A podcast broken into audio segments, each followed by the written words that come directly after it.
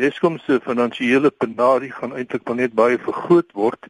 Hierdie penarie was veroorsaak deur jarelange gebrek aan langtermynbeplanning en 'n gebrek aan voorkomende instandhouding. En uiteindelik is ek bevrees is Eskom se kykens nou besig om huise te kom om nes te skrob. Eskom het nie so seer 'n gebrek aan geïnstalleerde vermoë nie. Die vermoë is 42 gigawatt en dit is wat hulle geërf het in 1994. Die probleem is dat Eskom het 'n gebrek aan beskikbare vermoë.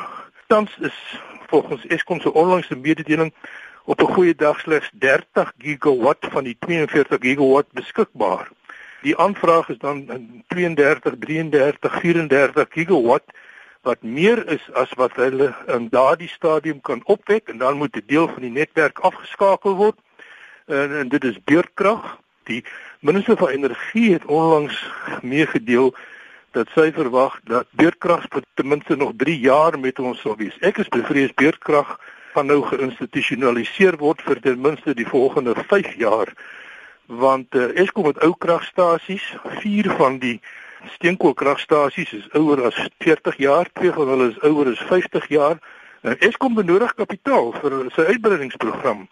Waar gaan Eskom daardie geld vandaan kry? Wel, die vraag is wat Eskom moet doen, glo ek, is uh, om die private sektor se deelname aansienlik uit te brei, veral die gebruik van hernubare uh, energiebronne soos uh, sonkrag en windkrag. Dit het al gebeur.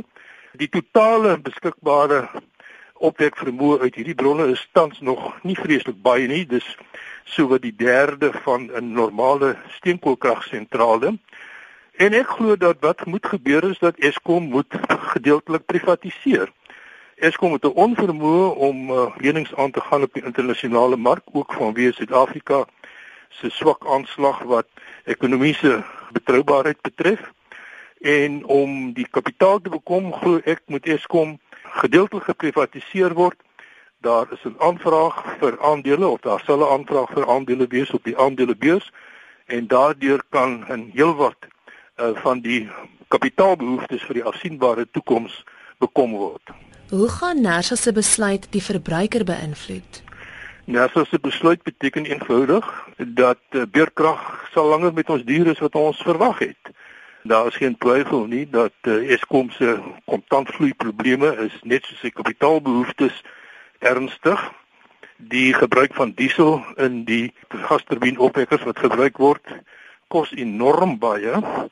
Dis nie duidelik wat Eskom betaal vir diesel nie, dit is 'n digbewaarde geheim, maar ehm um, die bewering is dat dit meer is as die gewone pompprys vir diesel en uh, omdat hierdie generators wat net veronderstel is om tydens piektye te werk nou tans feitelik deurlopend moet werk teen 'n opwekkoste van 4 maal meer as dit wat dit kos om energie op te wek deur 'n steenkoolkragsentrale en 'n kernkragsentrale is 'n 'n werklike probleem. Volgens Eskom se woordvoerder tree daar vanaf môre 'n tariefverhoging van 14% in vir munisipale kragverbruikers. Wat daarvan? Wel, dit is nou maar net 'n geval dat die koste wat munisipaliteite aan Eskom moet betaal net so deurgegee word aan die verbruikers. Elektrisiteit is natuurlik die melkkoe van die meeste munisipaliteite in Suid-Afrika. Dit subsidieer ander inkomstebronne en veral uh, belasting op erwe en daarsonder sal munisipaliteite baie moeilik bestaan.